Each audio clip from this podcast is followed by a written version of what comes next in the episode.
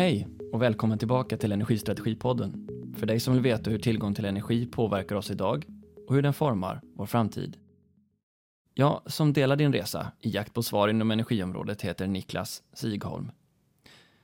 Hur central är energipolitik för Sverigedemokraterna? Vilka långsiktiga mål har man för systemet och vad är en hållbar strategi över tid? Vi söker svaren bland en mängd avvägningar från Mattias Bäckström Johansson, som 39 år gammal är en veteran inom partiet. Han har varit med i flera år inom energiområdet och har fått anledning att vända på avvägningarna mellan teknikval, miljö och ekonomi. Här försöker jag förstå hur den balansen borde se ut, enligt honom. Kul att ha dig här på, i podden Mattias. Ja, tack så mycket. Du är energipolitisk talesperson för Sverigedemokraterna. Stämmer. Hur landade du i energifrågorna? Hur kommer det sig att det är just du som är energipolitisk talesperson för, för Sverigedemokraterna?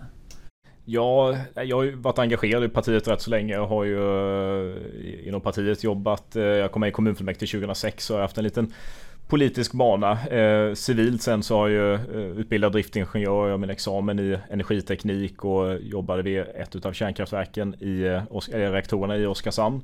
Eh, och kom in i riksdagen år 2014 och då fick jag förmånen att sitta med i eh, riksdagens näringsutskott och eh, blev en talesperson vid den tidpunkten då för energipolitik. Och eh, inom energipolitikområdet, hur, hur stort viktigt är det för Sverigedemokraterna?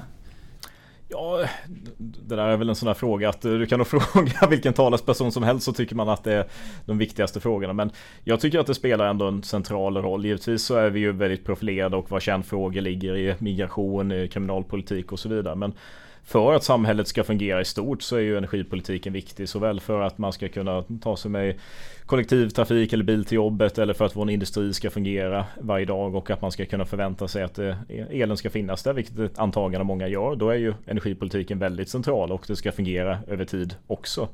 Så att eh, jag, jag, tycker nog ändå att eh, den är viktig för oss men att tyvärr att den kanske inte har varit lika aktuell historiskt sett kanske den svenska inrikespolitiken i stort utan kanske förtjänat en mer framskjuten roll. Sen på senare år så har de börjat kanske då komma fram mer och mer. Vilket jag tycker är bra och någonting som är behövligt. Det här med, med eh, balansen mellan eh, politiska åtgärder och Sveriges internationella konkurrenskraft eh, jämfört med andra länder är ju någonting som jag kommer tillbaka till inom, inom många områden.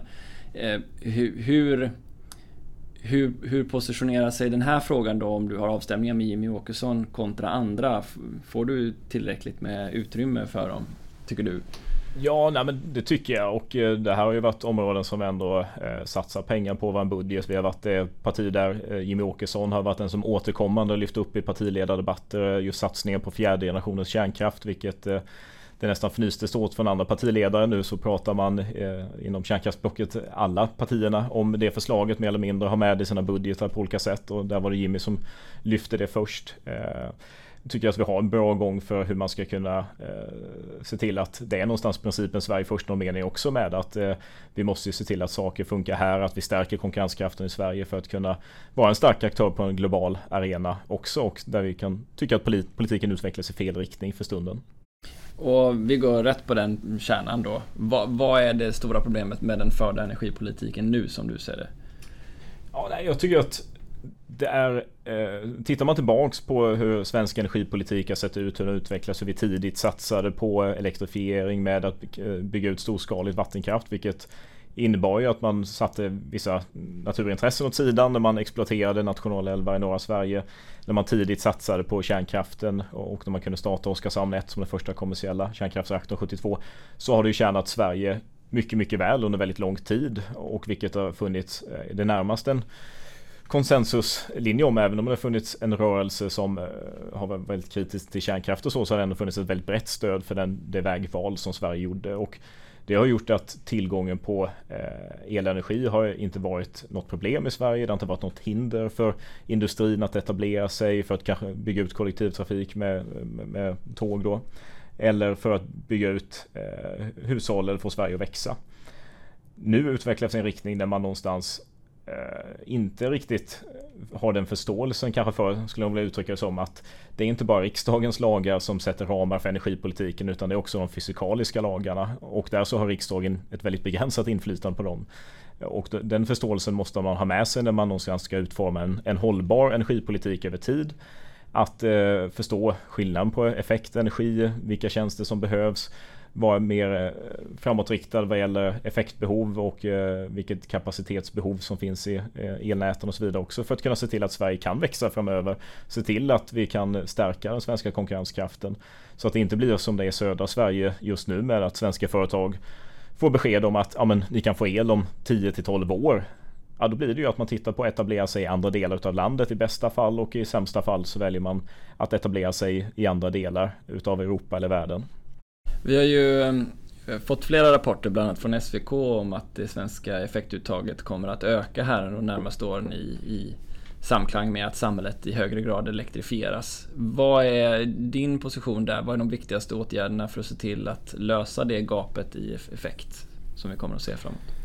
Ja, nej, men först vill jag säga att det är ju någonting som vi motser med en ökad grad utav elektrifiering och att vi använder eh, mer el, vilket är ett effektivt sätt att eh, omsätta energi till olika former av arbete på. Och där så tycker vi att det är ju genuint bra, men då, då, måste vi ha en energipolitik som backar upp den här behovsbilden som växer fram och att vi kan se till att industrin, transportsektorn och hushållen kan få tillgång till den el som behövs och inte begränsar förutsättningarna för dem.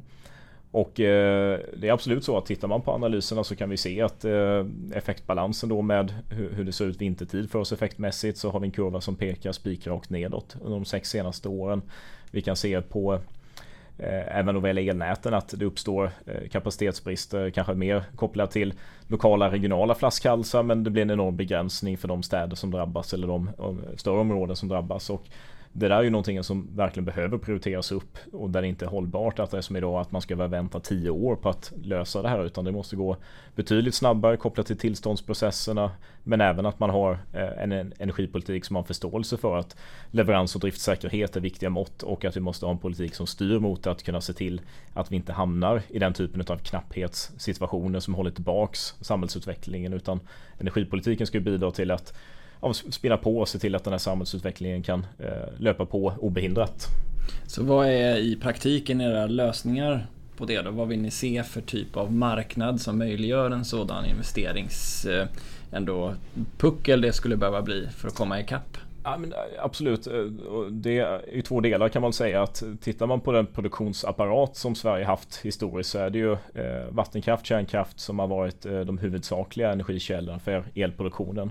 Och där tror vi att det är ju två, två väldigt viktiga ben även framåt i tiden. Att Sverige måste ha eh, både den reglerade kraften med vattenkraften tjänar oss väldigt väl men vi måste också ha ett ben med planerbar kraftproduktion där vi främst har kärnkraften och kraftvärmen.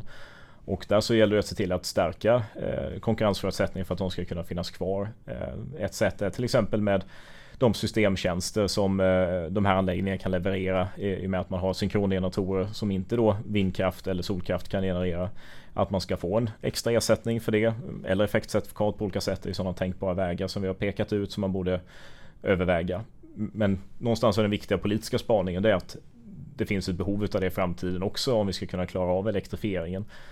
Sen så kommer vi absolut ha en förmodligen rätt så hög grad penetration utav eh, väderberoende kraftproduktion som kanske då vindkraft och solkraft framförallt. Och där så tycker vi att det finns ingen anledning att på politisk väg subventionera de här. Eh, för det är någonstans att forcera en problematik eh, ännu mer från politiskt håll. Eh, utan snarare så är det så att är man positivt inställd till dem då bör man ju istället lägga om motsvarande medel till forskning och innovationer på energilagringsteknik för att se till att vi kan ta, till, eh, ta tillvara och ta hand om den elenergi som alstras i de anläggningarna och, och att den kan användas när behov finns.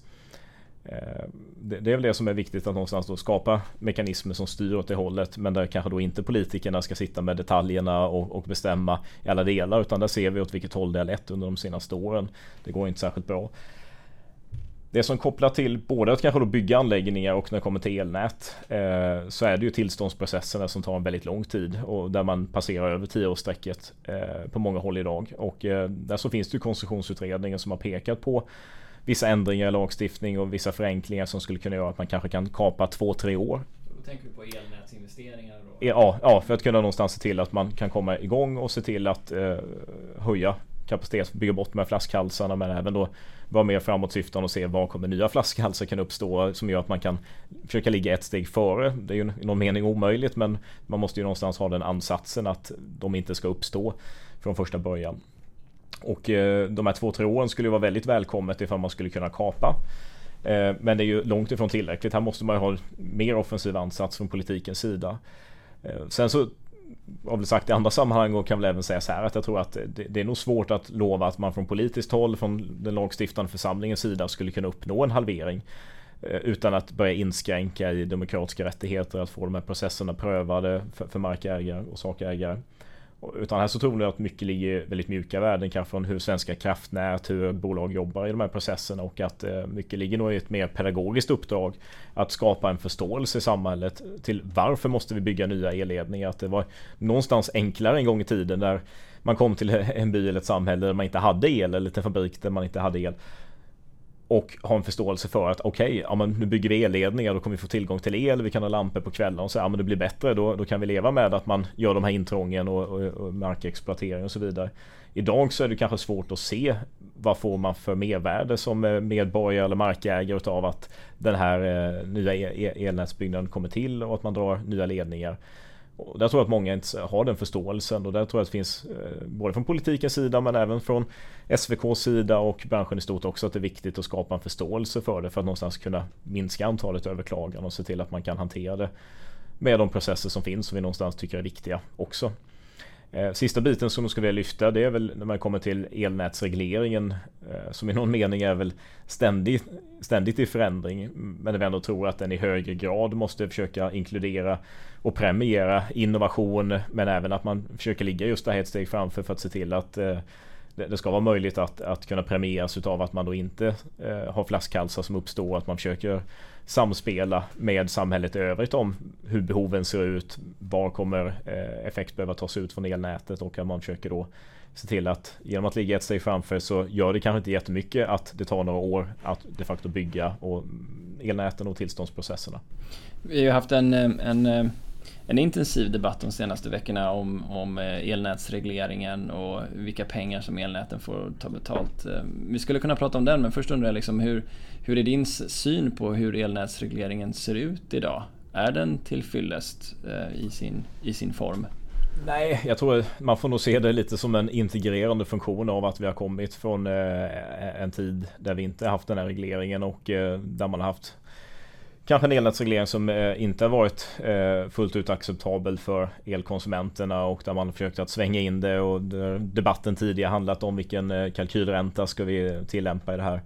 Eh, och nu så kanske då eh, blir ett omslag där man börjar få en reglering som kanske då är väl snål eh, mot elnätsbolagen. Men jag tror det ser som att det är ju som en integrerande funktion som kommer att svänga in och där man reglerar för fyraårsperioder och där vi någonstans eh, får diskutera hur kan man göra det här bättre och, och, jobba med olika förbättringsdelar. Och där så tror jag absolut att den är väldigt statisk i sin utformning, vilket då är det man behöver jobba på. Att hur kan man premiera eh, en mer framåtsyftande del i att man, man utvecklar någonting i samklang med samhället och även att eh, graden utav innovation och att man jobbar med innovation, att det premieras också. Men av naturliga skäl så blir det ju väldigt statiskt utifrån eh, ja, men vilka byggnader finns eh, och sen att det handlar om avskrivningstider, vilken kalkylränta kan man tillämpa men att det gäller nog om den ska bidra till samhällsutvecklingen och för det, mer, det, det, att det finns ett mervärde i som man kan få ut av det och att det är det som också elnätskunderna betalar för. Mm.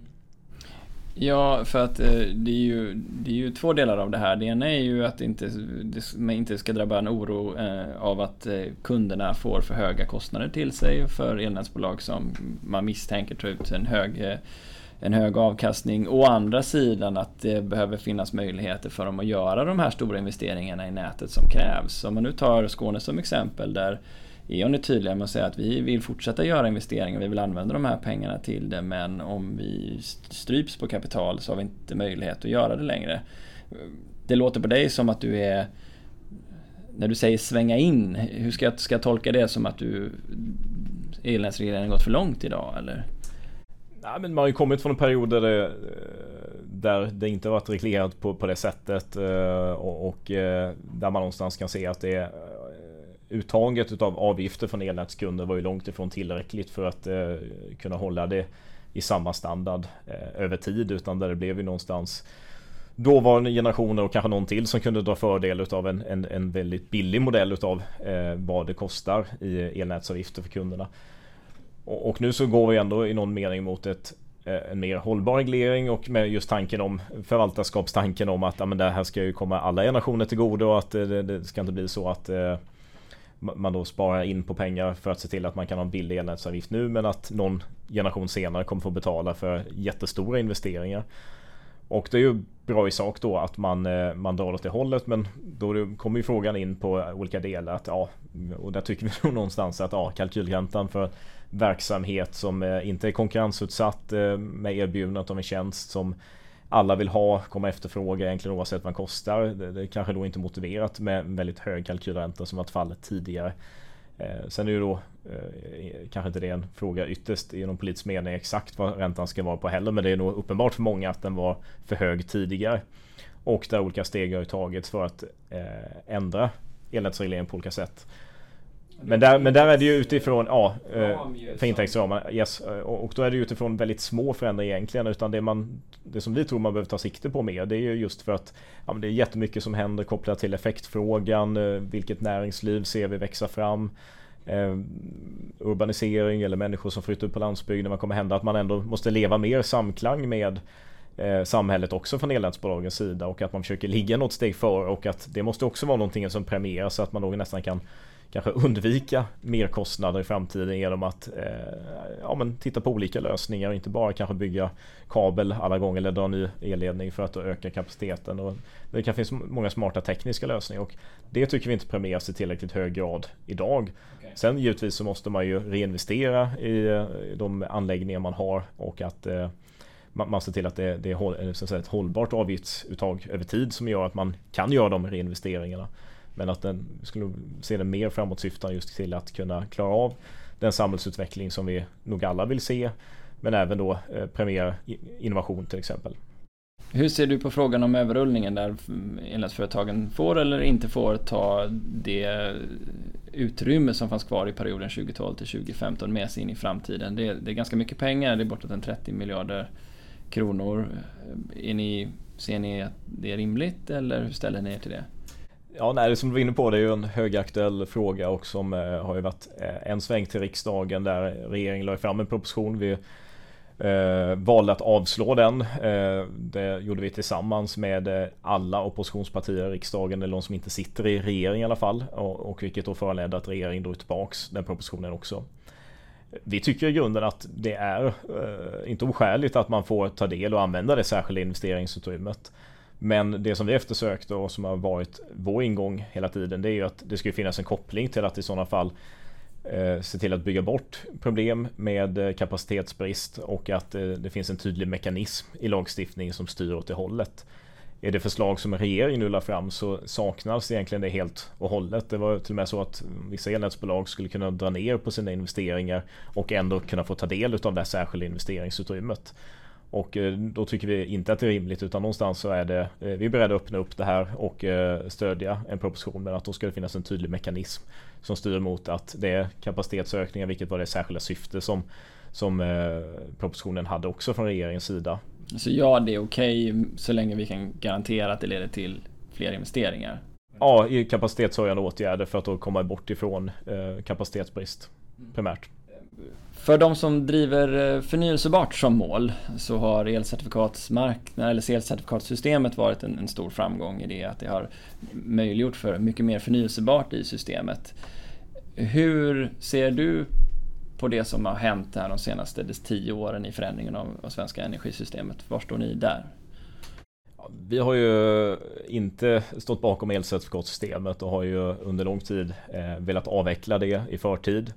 Eh, nu verkar ju så bli fallet också att det faktiskt kommer att avvecklas och eh, Nej, vi tycker att mycket av den utvecklingen har kommit oavsett framförallt när kapital blir billigt så och vindkraft har gjort en, eh, en resa vad gäller kostnadseffektiviseringar och, och vi har nog fått mycket vindkraft som har byggts oavsett om det har funnits elcertifikatsystemet eller inte. det som är det olyckliga om man någonstans bara tar elcertifikatsystemet det är ju att vi har ju skjutit in tiotals miljarder och åter tiotals miljarder under snart två decennier till en väldigt begränsad nytta. Eh, för att syftet visst, det är att höja den förnyelsebara andelen men vi vill mena på att det är ju inte så olika fossilfria eller så vilka fossilfria alternativ som är det viktigaste att någonstans landa i utan fossilfrihet borde ju vara det mål som, mål och, eh, som man har. Och där så kan vi se att andelen eh, fossilt i kraftsektorn är ungefär lika stort idag som det var 2003 då det här systemet infördes. Så att det det handlar om är att man har använt väldigt mycket pengar för att någonstans trycka undan annan fossilfri kraftproduktion. Och det tycker vi någonstans är olyckligt att de pengarna kunde göra mycket större nytta på annat ställe för el, eller elkonsumenterna. Som, som vad då? då? Vad, vad vill ni se? Vad är er långsiktiga ambition för, för elsystemet? Ni berättar att ni vill ha mer planerbar kraft, eh, men då är det 100% fossilfri produktion ni strävar efter. Mm. Då.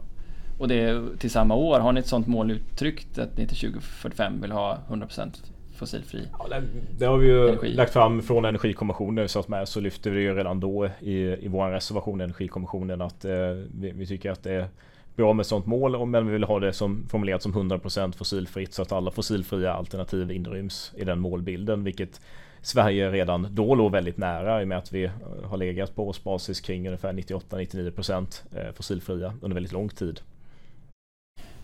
I eh, vissa delar av politiken och vissa eh, partier inte minst så eh, lägger man ju fram eh, att Sveriges position som ledande nation inom en fossilfri produktion eller förlåt, förnyelsebar mm. produktion också leder till en ställning globalt som gör att vi kan ta lid på eh, liksom, klimatrörelsen eller rörelse mot en, en, en hållbar värld. Hur står ni, hur, vad tänker du om ett sånt resonemang? Ja, nej, men eh, jag tror att det är en eh, tanke som är fin att ha någonstans. Att man kan vara ett föredöme och, och agera föredöme. Och det kan då hjälpa på väldigt många håll. Eh, I någon mening så kan vi ju se att eh, de tidiga satsningar som gjordes i Sverige på kärnkraft och vattenkraft har ju stärkt eh, svensk industri, tillverkningsindustri eh, med den konkurrenskraften som god tillgång på energi, billig energi eh, har gett dem, vilket har gjort att vi har relativt sett väldigt låga utsläpp eh, utav koldioxid från svensk industri i en eh, global kontext. Däremot så är jag kanske inte lika positivt inställda till det när det kommer till att när man vill att det här ska genomsyra många andra delar. Jag menar på att man kan gå, göra då väldigt långtgående åtgärder, att det här ska påverka andra. För att även om det här har stärkt vår konkurrenskraft i Sverige så kan man ju se att eh, under lång tid så har Sverige minskat sitt fossila beroende, minskat utsläppen per BNP-krona. Medan motsvarande utveckling går inte att se alls globalt sett eh, när man tittar ut på det. Och då har vi då eh, varit den här ledstjärnan i decennier men det har inte påverkat någonting än överhuvudtaget. Och då vill vi någonstans mena på att det är viktigt att då ta i beaktande, eh, kommer det här innebära mer kostnader för vårt näringsliv, för vår industri? Eh, är det rimligt? Vad uppnår vi för marginalnytta? Ja, alltså, vi vill absolut öppna för olika åtgärder men någonstans så är det ju effektiviteten i det man gör som är intressant.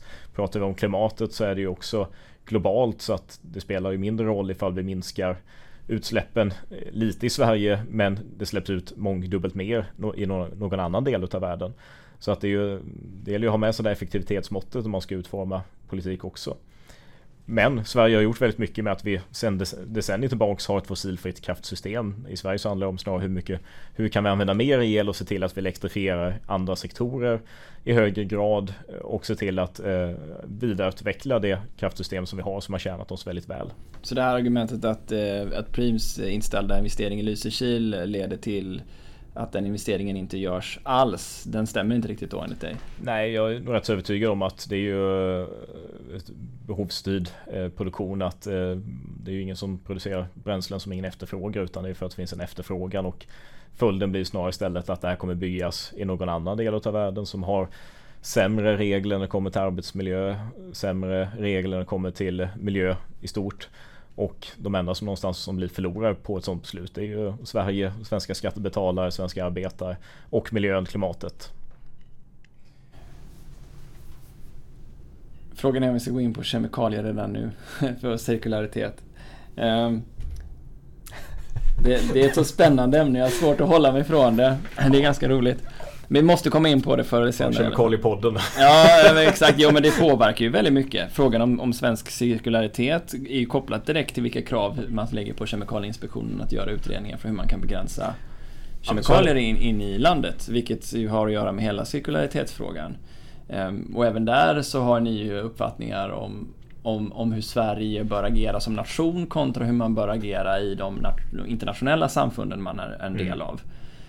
Um, för inte heller ni vill väl ha in liksom, skadliga kemikalier till, till nej, Sverige? Alltså, nej, och det tror jag inget parti som vill eller förespråkar utan det ska man ju givetvis jobba för att minska. Men att det är ju det, det, det svåra är ju att eh, göra det eh, utifrån en svensk kontext när vi utgör eh, promillenivå utav världsekonomin i förhållande till eh, andra länder som utgör väldigt många procent eh, utav den globala BNPn och där så får man ju någonstans ha med sig att gör bara vi det, ja men då gör vi det ju bara svårt för oss själva, gör det dyrare här, utan där är det ju någonstans viktigt att påverka eh, i de marknader man deltar, som på den inre marknaden till exempel, att jobba för att få bort kemikalier som är skadliga för eh, miljö, för hälsan och så. Hur är er syn på, på omställningen av, av fordonsflottan? För det är en stor del av svensk energikonsumtion som idag är fossil. Ehm.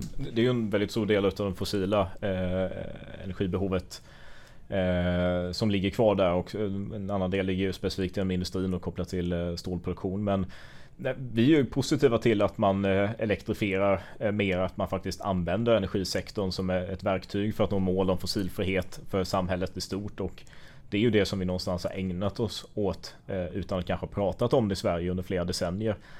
För jag tycker att man måste någonstans zooma ut och se hela bilden. Att ja, men, I början av 70-talet innan vi startade kärnkraften så hade vi eh, utav vår primära energitillförsel så var det 75%, 75-80% eh, fossilbaserat vilket har sjunkit ner nästan till en tredjedel. Att vi har mer än halverat våra, våra fossila energitillförsel och den ska vi fortsatt jobba på att minska genom framförallt elektrifiering. Eh, gör man motsvarande utblick på den globala nivån så är det ytterst marginella skillnader om man tittar tidigt 70-tal och hur det ser ut idag där den fossila andelen är praktiken intakt. Eh, kanske först de sista åren som den har minskat med några procentenheter. Medan i Sverige så har vi gjort en jätteresa som jag tycker vi pratar om alldeles för lite och där den, den politiska debatten nästan lyfts fram som att vi i Sverige gör ingenting än och vi har jättemycket att göra. Vi har gjort den här riktigt stora resan. Och eh, vi ska fortsätta göra den genom elektrifiering som det verktyget. Genom att använda vår fossilfria kraftsektor. Men då måste ju man kunna lita på att det finns el under alla timmar under året. Att det inte bara blir elöverskott vissa delar på året medan vi har elransonering andra delar på året. För då kommer vi inte kunna ha den här elektrifieringen och då kommer vårt fossila beroende att öka. Och det är väl det vi är rädda för som politiken utvecklas nu. Men vi är positiva. Ni verkar också vara ehm, tveksamma till det här med att subventionera särskilda tekniker. Ett argument för att göra det skulle ju kunna vara liksom att bereda vägen för ny teknik in på en, på en marknad, exempelvis för sol och solsubventioner. Ehm, finns, det, finns det någon del av er politik där ni tycker att det finns anledning att göra subventioner eller bidrag på något sätt med skattemedel för att gynna en typ av kraftsort eh, ändå?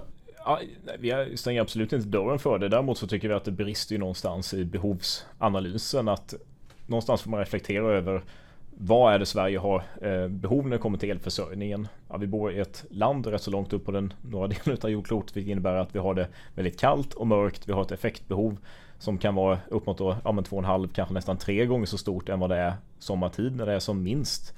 Och den stora utmaningen för politiken, för det svenska energikraftsystemet det är ju vårt effektbehov vintertid. Och det tycker vi att man brister fullständigt då i när man någonstans väljer att exempelvis kasta ut miljardsubventioner till solkraft som utav sin elproduktion producerar 85% mellan april och oktober. Men medan under då från november och framåt så är det bara 15% utav eh, elproduktionen som sker. Tittar man på de här kraftbalansrapporterna från Svenska kraftnät om hur mycket de olika energislagen bidrar med under de svåraste timmarna. Då har solkraften 0% i tillgänglighet. Där måste man också då ha en politisk förståelse av att ja, men 0% av väldigt lite solkraft är lika mycket som 0% av väldigt mycket solkraft. Och då kommer inte, solkraften kommer inte aldrig någonsin spela en avgörande roll i vår effektförsörjning vintertid. Den skulle kunna spela en roll ifall det finns lagringsteknik som gör det möjligt att använda elen när behov finns. Och i sådana fall så borde det vara det man vill subventionera om man är positivt inställd till solkraft men inte subventionera uppförandet av solkraftsanläggningar i Sverige. Då forcerar man istället en problematik utav eh, både kapacitetsbrist med flaskhalsar i näten men även att vi får effektbrist när man trycker undan anläggningar som har en högre kapacitetsfaktor eh, i elsystemet än vad solkraften har. Men hur ser du då på liksom eh, havsbaserad vindkraft? Faller det under samma flagg då? Ja, men, eh, så här, det är ju en marknad som i någon mening ska bestämma vad som byggs. Sen så är ju energimarknaden här, långt ifrån eh, fri från politisk klåfingrighet genom eh, lagstiftning, genom subventioner, skatter och så vidare. Så att i någon mening så blir den ju politiskt styrd. Eh, men, men då så saknar vi just det här att man har inte förståelsen för vad de olika energislagen kan bidra med. Men visst, vi kan å andra sidan inte heller rita upp exakt vilken fördelning vi vill ha, men vi kan ha en tanke om vilken väg vi vill gå. Vad ska det präglas utav? Hur ska det se ut? Och absolut, i någon mening så är ju kapacitetsfaktorn bättre för havsbaserad vindkraft än för solkraft eller landbaserad vindkraft. Och i den, ja, i den meningen så blir det ju ändå att det blir ett mindre problem sett till den stora utmaningen om effektförsörjning vintertid. I ja, för fall. Vi måste ju ha någon eh, kraft som ändå kan snurra och gå och, jag skulle prata om små modulära reaktorer som jag vet att ni är positiva till så pratar vi ändå om ganska lång tid. Vi har ju enligt SOKs rapport problem redan från i år och, och framåt. Hur, hur ser nej, du att nej, men då, nej, men om man ska säga så här att för att ändå tydliggöra att i, i sak så är vi inte motståndare till vindkraft eller solkraft. Däremot så är vi motståndare till de ensidiga subventioner eller investeringsstöd som har funnits på det sätt som gynnar dem väldigt explicit men som det inte eh, finns med som eh, i behovsanalysen att de här kommer lösa ut det problem som vi har att lösa från politikens sida. Men för att svänga om det där då till att bli en annan typ av investeringar i annan typ av kraft så skulle man ju behöva ändra om på något sätt ändå systemet med stabila förutsättningar för att planerbar kraft var möjlig. Jag kommer om lite där innan i alla fall. Jag tänkte hoppa in. Ja, ah, okay. Hoppa tillbaks till det då. Ja, försöka hoppa mm. tillbaks. Eh, nej, och, men vi är inte negativa till det. Men det som vi har i Sverige då, det är ju vattenkraften som är den, den stora eh, vinsten för det svenska kraftsystemet. Som är ett jättestort batteri i någon mening. Att vi kan då kompensera med att men de här väderberoende kraftslag, när de producerar, då kan vi dra ner med vattenkraften och lagra i dammarna istället. Och det gör att vi får en väldigt spännande dynamik. Men då måste man också ha med sig förståelsen att det finns en bortre gräns för den dynamiken också. Där, där man, eh, att det finns någonstans ett perfekt förhållande mellan vattenkraft och väderberoende kraftproduktion och det är ju lite den som man får försöka optimera.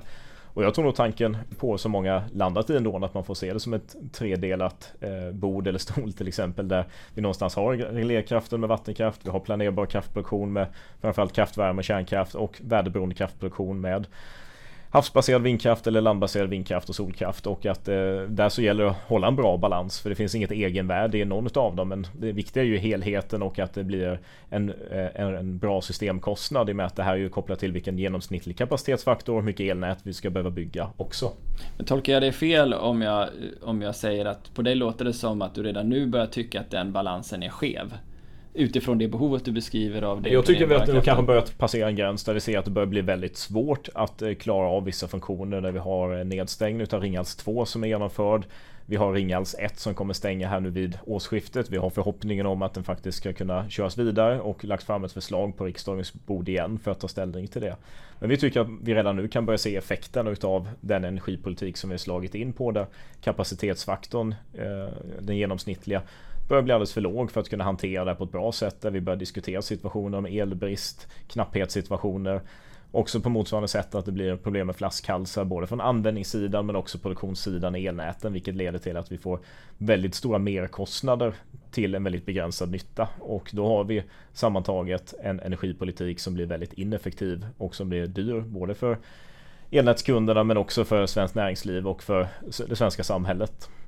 Vilken tilltro sätter du till vad som framförs bland andra om efterfrågans flexibilitet som en möjlig del av lösningen på eh, kraftproblematiken? Jag, jag tror absolut att det kommer ha en roll att spela och eh, tycker att det ska vi absolut jobba med. Däremot så är det väl också på nästan motsvarande sätt att vi ska ju inte vara naiva och tro att det här kommer vara det som löser allt och att vi bara blundar för alla problem. Eh, det vore förödande för att visst det finns en potential att eh, komma ner i effektbehov med efterfrågeflexibilitet. Men den, kommer ju, den potentialen kommer ju aldrig kunna uttömmas helt på en marknadsmässig grund i och med att det kommer ju påverka prisbilden när man jobbar med det här också. Sen så ibland så eh, i debatten så framförs det nästan som att det här är någonting nytt som aldrig funnits tidigare med eh, olika former av efterfrågeflexibilitet. Och där skulle jag väl någonstans bara säga att det, det är ju sånt vi haft tidigare. Jag rev ut eh, vår gamla elcentral för ett par år sedan. Eh, då hade vi kvar en gammal relästyrning på varmvattenberedaren som man hade med hög och lågtaxa som man kunde sätta i autoläge för att flytta efterfrågan på el från dagtid till nattid och ha en överproduktion utav Eh, värme. Så att vi har ju någonstans jobbat och det här funnits tidigare också. Men det, det som ligger i andra änden det är ju att eh, man är nog inte jätteintresserad eh, som småbarnsförälder eller i privathushållen att jobba med det här utan den lågt hängande frukten det är ju det som man kan automatisera där man inte behöver tänka på det och som kan bidra. Men att jag tror att man får nog ha rätt så begränsade förhoppningar men att absolut så ligger en potential i det. Men Det är väl ingen som tycker att det är fel. Frågan är väl bara vilken tilltro man sätter till det. Vissa vill ju mena att med de få timmar som det ändå är just nu som vi har en kapacitetsbrist, beroende på hur man ser det givetvis, så kan efterfrågan, efterfrågans flexibilitet lösa en väldigt stor del av det medan det du verkar säga är att ja, den kan lösa men kanske bara en liten del av problemet. Jag tror absolut att det är en del av lösningen men jag tror att det, det, det är svårt att se med om man någonstans går. Man har gjort sådana här motsvarande projekt, tittat lite på Gotland till exempel om vilket intresse som finns, hur kan man påverka Eh, viljan att eh, göra andra saker vid andra tidpunkt på dygnet och den är rätt så begränsad. Man vill ha rätt så mycket betalt. Det är, svårt att se att eh, småbarnsfamiljer ska landa i att man ska tvätta på nätterna istället. Eh, eller eh, köra disken på natten eller eh, olika saker bara utifrån att man kan få några kronor extra. Utan det är rätt så mycket man skulle vilja ha betalt i sådana fall för att någonstans börja planera sitt liv efter väderförutsättningarna. Utan det är ju det samhälle vi har gått bort ifrån som elektrifieringen har hjälpt oss med. Att vi inte är beroende utav eh, så att säga, eh, väderleken på samma sätt utan att vi kan göra saker när vi har behov av att göra dem. Eh, och där tycker väl vi att det någonstans är ju kanske inte den målbilden som ska vara på ett modernt eh, välfärdssamhälle. Heller att vi ska anpassa oss efter vilka förutsättningar som vädret ger oss. Utan istället se till att vi eh, ja, kan leva våra liv som vi vill, underlätta för mänskligheten, se till att vi kan minska vårt fossilberoende med mer el och då måste man ju se till att det finns en produktionsapparat som kan leverera det här. Har du sett några riktigt bra eller tilltalande exempel på hur man skulle lösa prismekanismen kring planerbar kraft som du känner att det här vill jag jobba vidare med?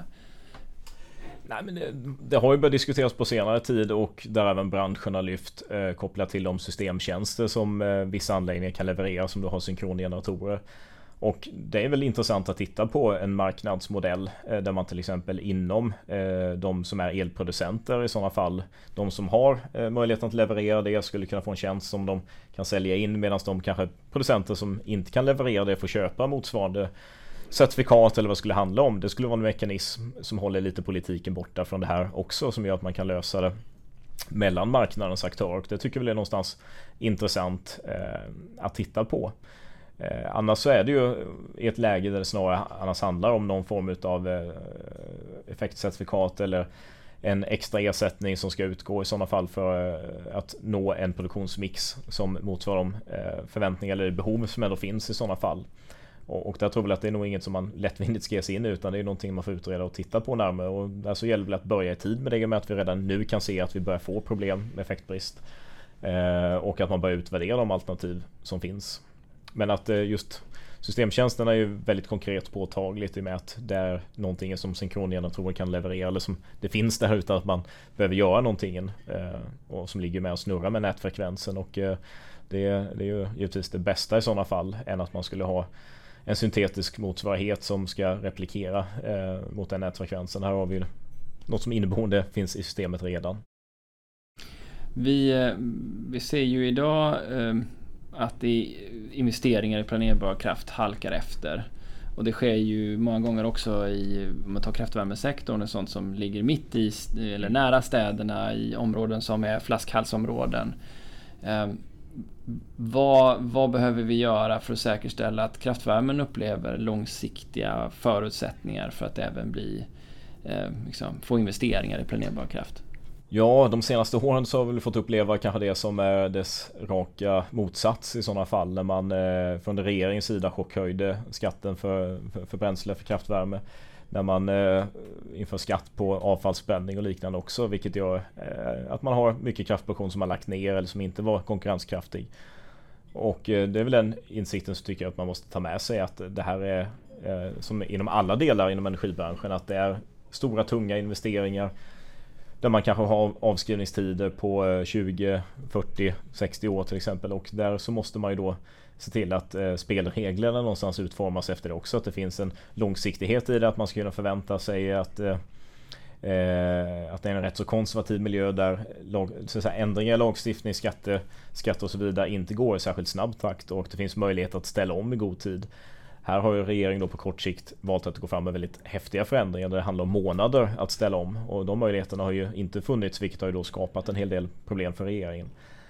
Eh, vi tycker ju att det är på sin plats. Både att ta bort avfallsförbränningsskatten är väl det viktigaste, att lyfta bort den, eh, vilket skulle vara en stor lättnad för eh, de anläggningar som är berörda och som jobbar med energiåtervinning.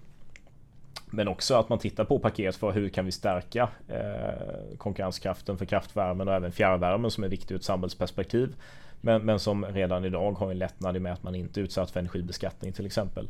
Eh, och den hjälper också till att minska på eh, kraftbehovet eller effektbehovet i eh, kraftsystemet. Och det är ju sådana bitar man behöver titta på men det, det mest konkreta det är väl just att ta bort sådana ineffektiva skatter som avfallsförbränningsskatten. men även titta på hur kan man stärka incitamenten att faktiskt då reinvestera i de anläggningar som finns och upprätthålla den effekt som man kan leverera in. Ja, nu är du inne på någonting som jag får höra från väldigt många företagsledare i energibranschen och det är just stabila, långsiktiga spelregler.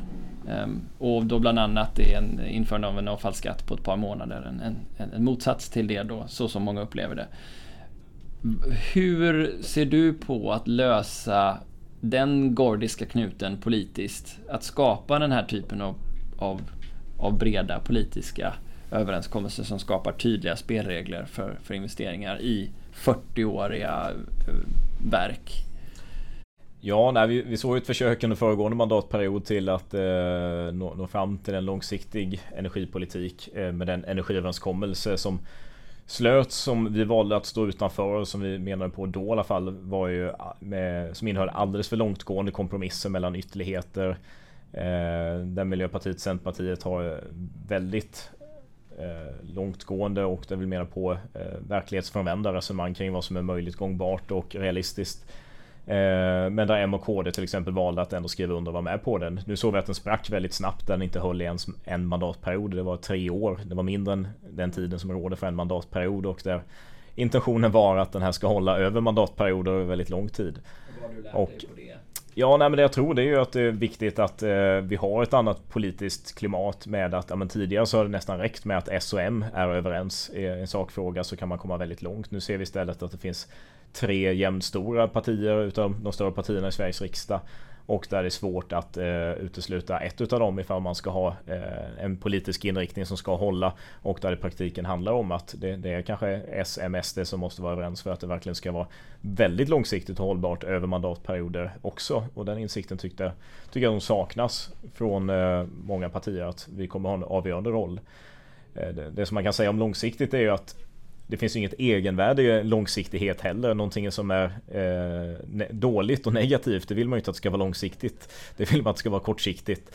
Utan eh, där menar vi väl att det är också relevant vad man de facto kommer överens om. Vi tyckte inte om vissa delar utav innehållet i eh, den förra eh, energiöverenskommelsen och eh, är ju givetvis glada då över att den blev väldigt kortsiktigt de delarna. Medan vi står bakom vissa andra delar också har jag absolut inga problem med att eh, ta in det som är en början på en ny energiöverenskommelse som vi är beredda att sitta ner och prata med, med andra partier också för att komma överens om. Vad är vägen framåt som du ser det för att komma dit? Är det bara ett regeringsskifte som du ser möjliggör det eller finns det andra vägar? För stunden så ligger väl, eh, om man ser på en potentiell reformagenda så är det ju givetvis så att inom det konservativa blocket som man väl någonstans får anse MKDSD utgöra så, så är vi ju mer och mer överens inom energipolitiken också. Där har anslutit sig till flera av de förslag som vi la fram redan 2016 som man sa nej tack till då men som man har plockat upp som egen politik nu.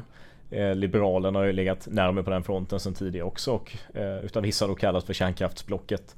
Eh, och där så finns det ju rätt så hög grad utav enighet som skulle kunna eh, vara en början på, början på en sån diskussion. Men att vi är ju pragmatiskt öppna för att, att sätta oss ner och prata med riksdagens alla partier. Jag tycker det fanns en god ansats till den eh, förra energikommissionen som verkade.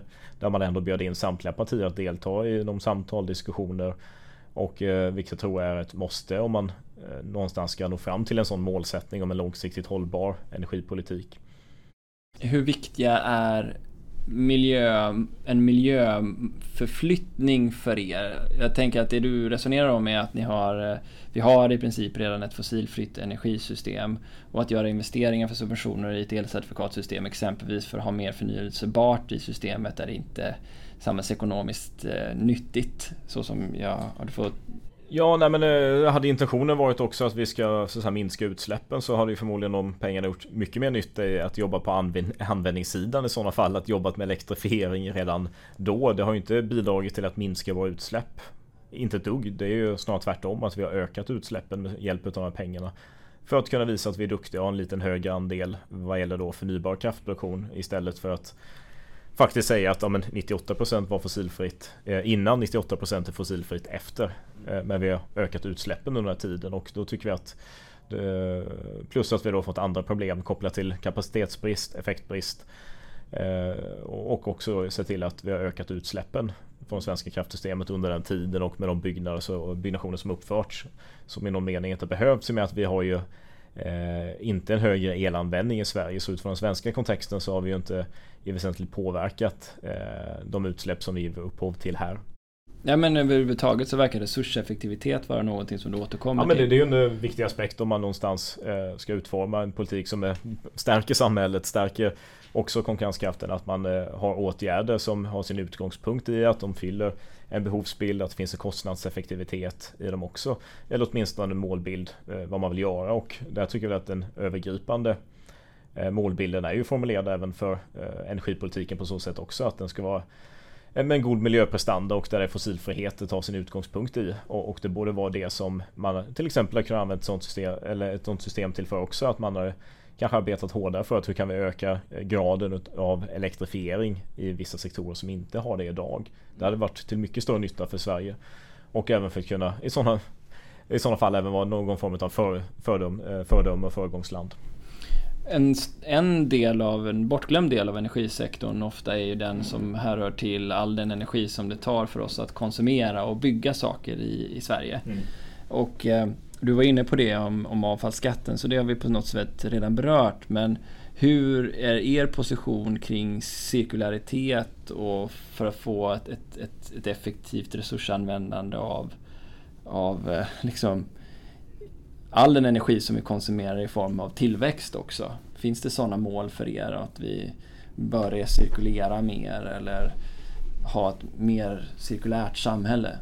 Ja, nej men det tycker jag absolut. Eh, sen så kan det ju ta sin eh, utkomst på olika sätt. Men att eh, det finns ju så att säga ingen nytta för vare sig samhället eller Sverige som med hushåll, liv att man gör saker på ett ineffektivt och dåligt sätt eller då man inte tar tillvara på de resurser som finns. Och det handlar ju kan ju handla både om, eh, när vi någonstans diskuterar energifrågorna, att ja, men det, det, är viktigt med energieffektivitet och att vi använder energi på ett effektivt sätt. Men att då ska det vara uttryckt i termer av intensitetsmål.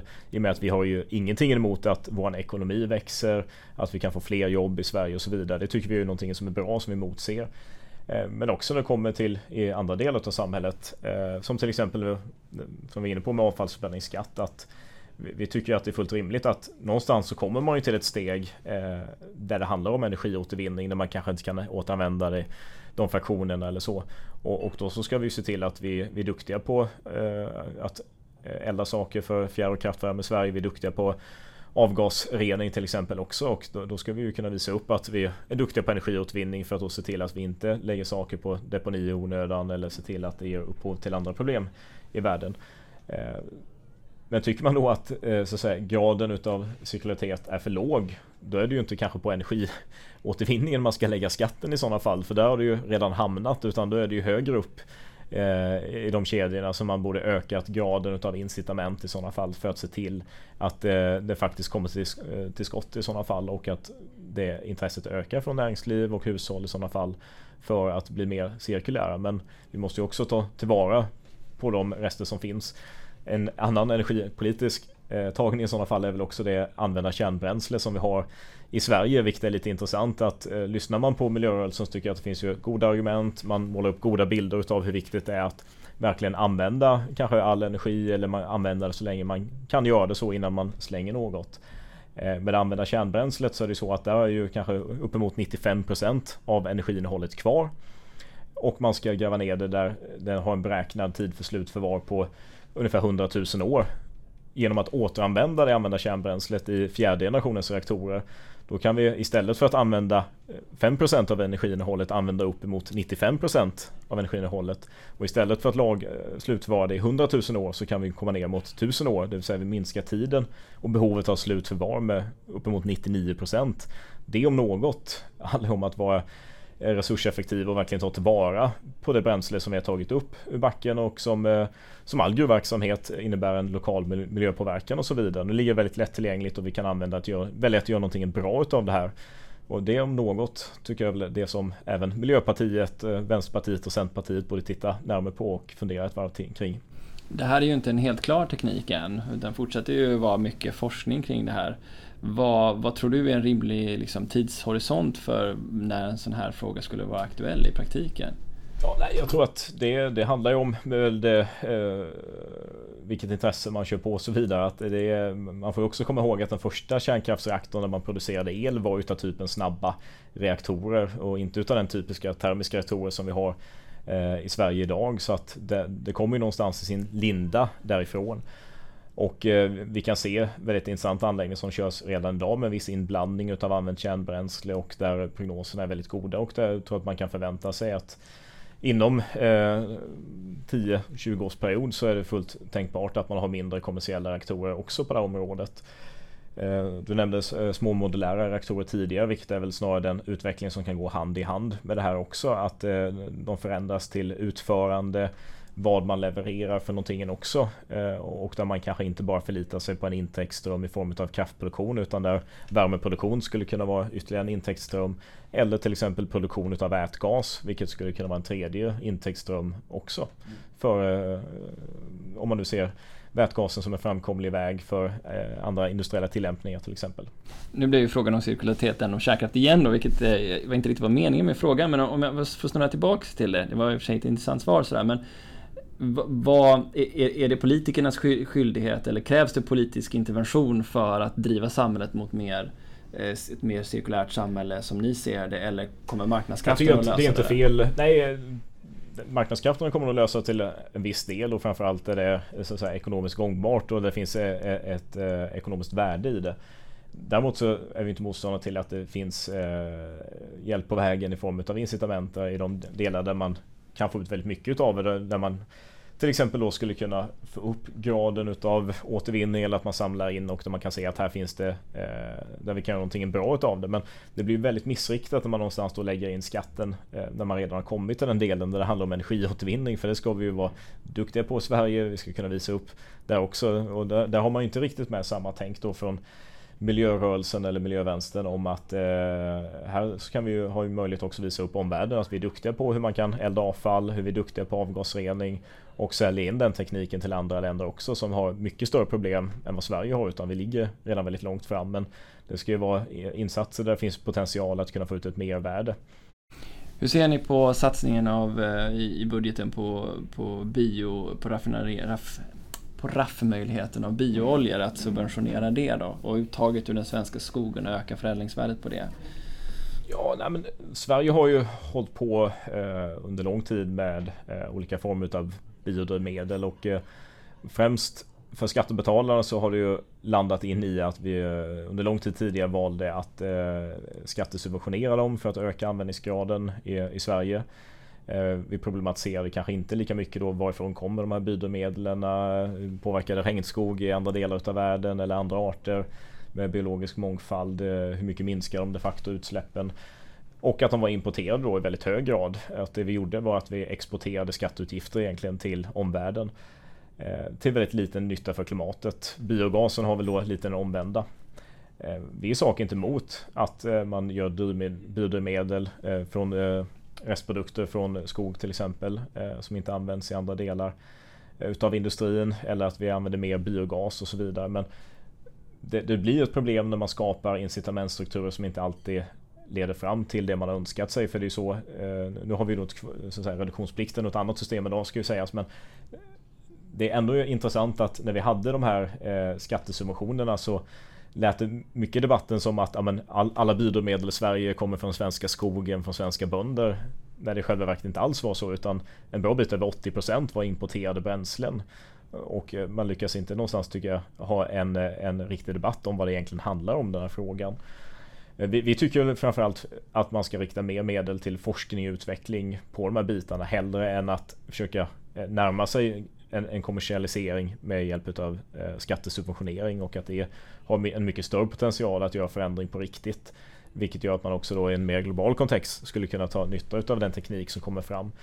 Men att eh, det finns absolut en potential. Sen eh, vad gäller de eh, restprodukterna från skogen så kommer nog problemet snarare vara att var ska vi använda eh, de produkterna? Eh, ska det gå till annan produktion utav eh, kläder, plaster eller ska det vara biodrivmedel eller andra industriella tillämpningar. Och att det är också någon mening någonting man måste fundera på ur ett samhällsperspektiv med att det kommer inte räcka till för alla den energin som finns. Så även här vill du vara försiktig med att låta skattepengar styra det, det, det, det, ja, nej, men det, det är ju någonstans med utgångspunkt i att eh, vi är politiker också men det går någonstans om man tittar på den empiriska utvecklingen ser att politiker är synnerligen dåliga på att peka i vilken riktning tekniken utvecklas eller vad som är de bästa tekniska innovationerna. Eh, vi kan bara gå tillbaks till den stora satsning som Sverige hade på etanolbilar och att vi skulle köra bilarna på etanol och att det var framtiden. Vräkte ut mängder med subventioner. Eh, och där nästan ingen tankar etanolbilar idag. Ett tag så pekar man ut även dieselbilar som miljöbilar också. Eh, och sådär. Och det, blir, det tenderar till att leda väldigt fel. Det tenderar till att bli väldigt kostsamt för skattebetalarna och det tenderar att bli väldigt suboptimerat när politikerna lägger sig i alldeles mycket. Utan vi vill någonstans ha kan man få fram de, eh, de incitament eh, som byggs upp på naturlig väg i en marknadsekonomi så kommer vi få mycket starkare drivkraft för att kunna genomföra det här och då finns det mycket större potential i teknikutveckling, innovation och att lägga ett större fokus där. Vad tror du om utblicken för världens förmåga att klara 1,5 graders målet av så som du ser det idag? Ja, utifrån, eh, det är väl lite på hur man ser på det, eh, om det är utifrån att vi de facto klarar det eh, eller de facto utifrån minskningar utav utsläppet av växthusgaser. Utifrån det senare så kan det se mer tufft ut, tufft ut att kanske nå det men att väldigt övertygad om att Eh, och det viktiga det är ju framförallt kanske utifrån eh, människans perspektiv. Det är ju att kraftigt och väldigt snabbt minska förbränning utav kol, eh, utav de fossila kraftkällorna som orsakar väldigt mycket luftföroreningar. Där väldigt många människor dör varje år eh, löpande och, där det givetvis har en påverkan på klimatet också i någon mening.